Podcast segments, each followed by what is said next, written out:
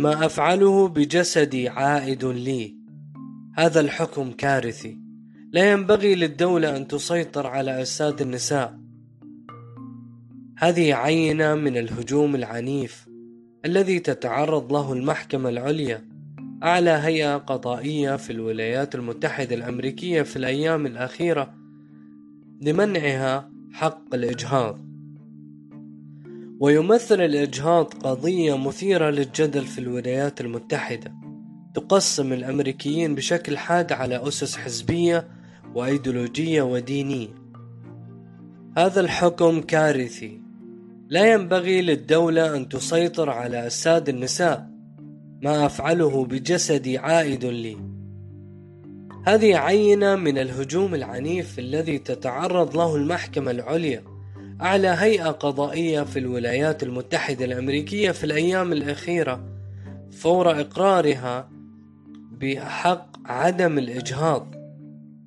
ويمثل الإجهاض قضية مثيرة للجدل في الولايات المتحدة تقسم الأمريكيين بشكل حاد على أسس حزبية وأيديولوجية ودينية. قبل الخوض في التفاصيل ننقل عن مؤلف كتاب حقائق عن الإجهاض فيقول برمنغهام على مدى الخمسين عاما الماضية من عمليات الإجهاض في الولايات المتحدة قتل ستون مليون طفل منذ قضية رو ضد ويد.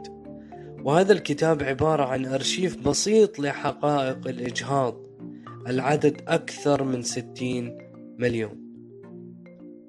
نبدأ بالسرد التاريخي لقضية الإجهاض بداية بقضية رو ضد ويد. التي جعلت الإجهاض حقا دستوريا. رو ضد ويد هي القضية التي نجم عنها إصدار قرار المحكمة العليا الأمريكية بمنح النساء حق الإجهاض في كافة الولايات المتحدة وأعطى قرار رو ضد ويد في عام 1973 النساء في الولايات المتحدة حقا مطلقا في الإجهاض في الأشهر الثلاثة الأولى من الحمل. وحقوقا محدودة في الثلث الثاني من الحمل. ودارت القضية حول سيدة تدعى نورما مكورفي وأطلق عليها جين رو.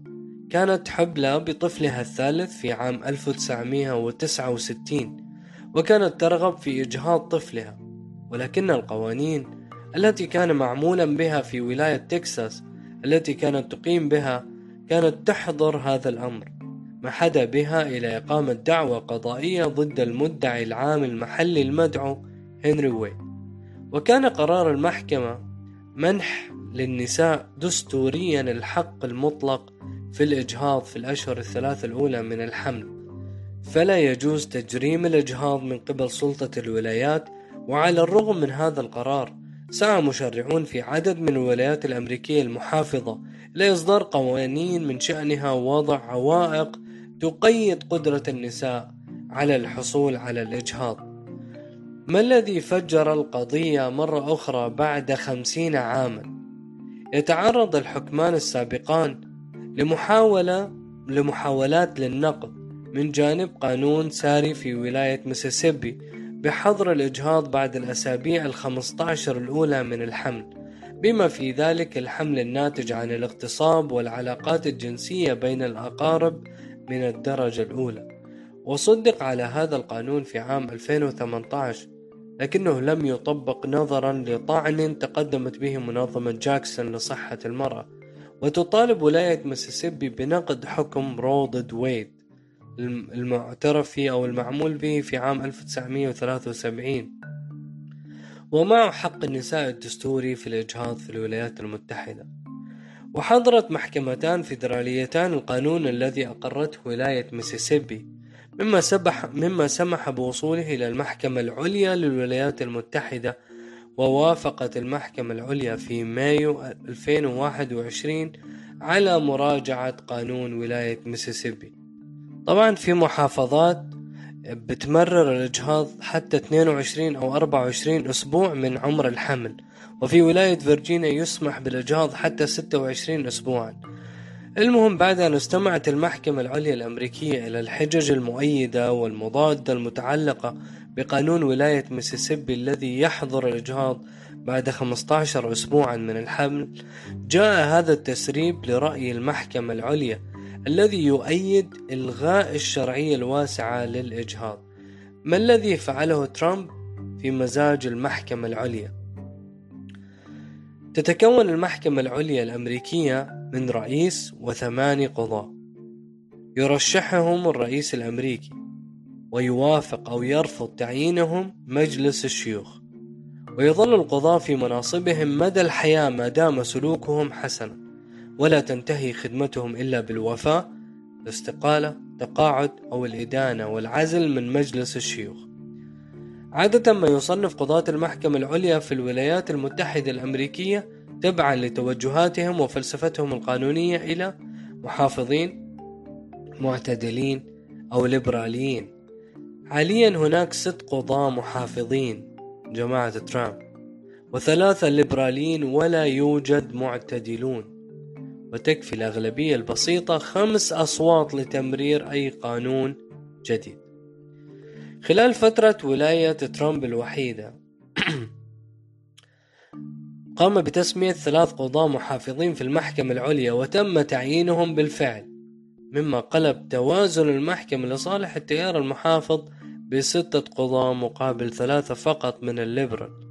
مما جعل أول رئيس منذ رونالد ريغان يسمي ثلاثة قضاة في فترة واحدة ويكون بذلك قد وفى بوعده الانتخابي الذي نص فيه على اختيار قضاة المحكمة العليا من أجل تغيير قانون الإجهاض اللي هو رو against ويد أو رو ضد ويد ويبلغ أقدم القضاة الذي عينهم ترامب 57 عاما فقط وهو ما يمكن أن يبقى الثلاثة بسهولة في ضمن المحكمة لمدة 30 عاما. يعني أنه القاضي راح يكبر ما راح يموت. مثلا لو في قاضي مات في ولاية بايدن فالرئيس الحالي هو راح يعين وأكيد راح يعين قاضي موالي أو يحمل أفكار ليبرالية مثل بايدن. وهو هذا الخطأ صار في ولاية أوباما كانت في قاضية للأسف طالبها أوباما أو مو للأسف الحمد لله. طالبها أوباما إنه يعني تتقاعد أو تعتزل لأنه عمرها كبر وماتت في ولاية ترامب وهو اللي أعطى هذه ال ال ال القوة أو إنه يكون في قضاة محافظين ستة مقابل ثلاثة ليبرال المهم هذا كان شرح المحكمة العليا أو كيف تتكون المحكمة العليا من الأعضاء وشروط القضاء. خلينا نحكي عن أول عن التسريب اللي أدى إلى هذا القرار. في تسريب قامت به شبكة بوليتيكو الإخبارية على موقعها على الإنترنت حيث نشرت مسودة وثيقة لرأي المحكمة العليا تلغي فيها الحق الدستوري في الإجهاض الذي كان يجري العمل به منذ 1973 والذي يعرف بقضية رو versus ويد أو رو ضد ويد وكان رئيس قضاة المحكمة العليا جون روبرتس قد أكد أن هذه المسودة المسربة حقيقية وأن الرأي بمنع الإجهاض يحظى بدعم خمسة من القضاة تسعة وهو ما يكفي لجعله قانون البلاد. وكتب القاضي سامويل أليتو في المسودة المكونة من 98 صفحة يقول إن القرار الذي كان يضفي الشرعية على الإجهاض في جميع أنحاء الولايات المتحدة خطأ فادحا. هذا اللي عمله ترامب واللي غير أغلب الموازنة ورغم أن ما تم تسريبه هو مسودة أولية في شهر ماي وأن القرار النهائي سوف يصدر في نهاية شهر يونيو الحالي اللي إحنا فيه واللي هو صدر قبل يومين. إلى أن الأمر اعتبر زلزالا سياسيا واجتماعيا في الولايات المتحدة ووجد استطلاع أجراه مركز بيو للأبحاث نشر مؤخرا خلافات عميقة حول الإجهاض على أساس الانتماء الحزبي.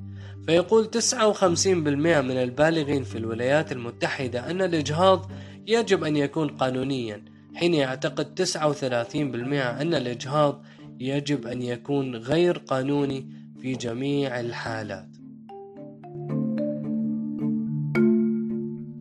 No matter how deeply they care about this decision, to keep all protests peaceful.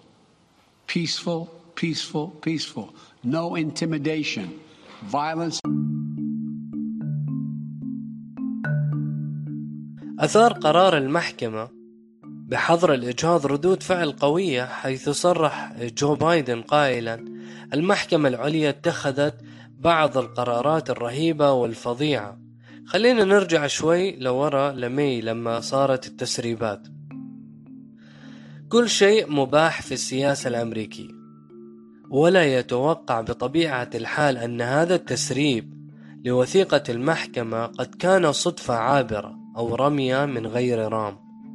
والأيادي تشير إلى الليبراليين واليسار خاصة وأن التسريب قد جاء مع اقتراب الانتخابات النصفية في الولايات المتحدة نوفمبر أو نوفمبر 22 وشعبية الرئيس بايدن الديمقراطي ليست على ما يرام. أزمة اقتصادية كبيرة ارتفاع التضخم لأعلى مستوى منذ 40 عاما رفع سعر الفائدة ارتفاع أسعار الطاقة أو البنزين أو البترول. ومعلوم أن الاقتصاد هو أكثر ما يؤثر على صوت الأمريكي في صناديق الاقتراع.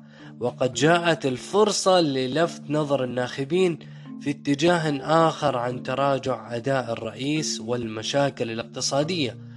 وفي مقال لمجلة ذا ويك بعنوان آفاق معركة الإجهاض تغير سياسات الانتخابات النصفية قالت أثار هذا الكشف للوثيقة موجة من النشاط بين مسؤولي الولايات حيث تحرك الجمهوريين لحظر الإجهاض أو تقييده بشدة وتعهد بالمقابل الديمقراطيين بتحويل ولاياتهم إلى ملاذات آمنة للنساء اللواتي يسعين إلى الإجهاض وهذا ما يخدم بايدن وحزبه. وتعهد كبار الديمقراطيين بجعل حماية الإجهاض محور انتخابات التجديد النصفي هذا العام يعني صوتولي وأنا بظبطكم. ويامل الديمقراطيون أن يؤدي ذلك إلى تحفيز الناخبين الشباب والنساء الذين لا يعجبهم أداء الرئيس بايدن ويعمل مشرعو الولايات الديمقراطية على تكثيف خططهم لتوفير ملاذ آمن للنساء اللواتي يسعين للإجهاض. ومن جهته دعا الرئيس الأمريكي جو بايدن إلى المحافظة على حق النساء في الإجهاض مؤكدا أنه إذا تم المضي قدما في القرار والحمد لله تم المضي قدما وخلص. فقد يشكك هذا في الحريات الأخرى كحقوق الشواذ من الجنسين في الزواج. وهذا الموضوع أنه سقوط قضية الإجهاض والحمد لله حتودينا على على حقوق الشواذ وعلى جواز الشواذ. وراح يطول وتطول السلسلة وإن شاء الله خير. المهم لن نخوض في التحليل الأخلاقي أو الديني الآن لقضية الإجهاض أو غيرها من مظاهر الانحلال الأخلاقي الضاربة بعنف الولايات المتحدة الأمريكية. بقدر ما سنتناول حجم المشكلة وتوظيفها سياسيا والورطة الأخلاقية المهنية الأكبر في مؤسسة قضائية أمريكية اللي هي المحكمة. حسب موقع تعداد الولايات المتحدة التابعة للدولة يبلغ يبلغ عدد النساء تقريبا 51.1% بينما عدد الرجال يكون 164 مليون أي أن هناك 97.9 ذكر لكل 100 أنثى. وحسب ستاتيستا dot com الشهير للإحصائيات فإن عدد الإناث في الولايات المتحدة 2022 يبلغ 170 مليون في حين عدد الرجال مثل ما حكيت 162 وفي حال اعتماد قرار المحكمة واللي اعتمد امبارح بصورة نهائية بمنع الإجهاض ستفقد ما يقرب من نصف النساء الأمريكيات من سن الإنجاب من 15 سنة إلى 49 سنة إمكانية اللجوء إلى الإجهاض بشكل قانوني. وحسب موقع مكافحة الأمراض أنه تم الإبلاغ already عن 630 ألف عملية إجهاض في 2019 على مدى الخمسين عاما مرة ثانية من عمليات الإجهاض في الولايات المتحدة مات أو قتل 60 مليون طفل من قضية رو ضد ويد العدد أكيد أكثر من 60 مليون. وهذا يمكن أو يمكن أن نستوعب حجم المشكلة وتمددها في كافة شرائح المجتمع الأمريكي. وكذلك ما يراه الساسة من الحزبين الديمقراطي والجمهوري في قضية الإجهاض كساحة تأثير هائلة في الجماهير وليست النساء المتأثرات المباشرات للإجهاض فقط بل يمتد كذلك إلى اقتصاد الإجهاض من شركات طبية مستشفيات عيادات ومنظمات دفاع وهجوم ومكاتب استشارات وتوعية بالإجهاض أو توعية بعدم الإجهاض. تخدم ملايين النساء سنويا. فهذه ملايين أخرى من البشر سوف تتأثر بعنف في مصدر رزقه وهذا اللي بيخلي بيل جيتس وسورس إنه يزعلوا على على اقتصاد الإجهاض. من زملائهم من الرأسماليين بذكر المستمعين إنه في 2015 26 يونيو في عهد أوباما وقبيل مجيء ترامب أصدرت نفس المحكمة العليا في الولايات المتحدة حكما تاريخيا مشؤوما يقضي بمنح الشواذ الحق جنسيا أو يمنح الحق للشاذين جنسيا من الزواج في كافة الولايات المتحدة الأمريكية وهو الحكم الذي وصفه الرئيس الأمريكي. انتصار لأمريكا وانتصار للحب بينما يفشل صديقه بايدن إلى الآن والحمد لله. جاء قرار المحكمة العليا وهي أعلى سلطة قضائية في الولايات المتحدة بفارق ضئيل آنذاك بين أعضائها التسعة حيث صوت خمسة لصالح السماح بزواج الشواذ جنسيا كما شرحت سابقا في مقابل اعتراض أربعة من قضاة المحكمة ليطالب حكومات الولايات بالاعتراف وتوثيق هذا النوع من الزواج. وسبحان الله امبارح صار نفس السيناريو ومنع حق الإجهاض. والناظر في موقف المحكمة العليا الأمريكية الآن المتشدد والمحافظ في قضية الإجهاض يظن أنها محكمة في دولة أخرى غير تلك التي حكمت بجعل زواج الشاذين جنسيا من الجنسين حقا دستوريا. إن الحديث إذن عن استقلال القضاء والفصل بين السلطات وعدم خضوع القضاء السياسي لا ينبغي للقضاء أن يكونوا حزبيين أو مؤدلجين فكريا أو على الأقل يخلعون كل هذا عنهم عندما يرتدون رداء القضاء. كل هذه ليست إلا مجرد دعاوي وأكاذيب ترددها أكبر دولة ديمقراطية في العالم. وهذا المثالين اللي وضحتهم بقضية زواج الشواذ وقضية حق حق الإجهاض هما أكبر مثالين على ذلك. إنما يقوم به الساسة في الحزبين الديمقراطي والجمهوري سواء تجاه الشعب الأمريكي أو تجاه مؤسسات الدولة هو عبث محض. لتحقيق أجندة حزبية خالصة ولا يقل بأي حال عما تمارسه دول, دول أخرى. تتهمها الولايات المتحدة بالاستبداد والرجعية والتخلف السياسي. ويبدو أن معاول أو معاول الهدم التي يحملها ساسة وقادة أكبر دولة ديمقراطية في العالم تضرب الآن بعنف أكثر في قواعد بنيانهم المتصدع أصلا في مواضع كثيرة. وبعد حين قد تختفي كل أسواق العجوة فلا يجدون أصناما تصنع أو تؤكل وعندها قد يأكل بعضهم بعض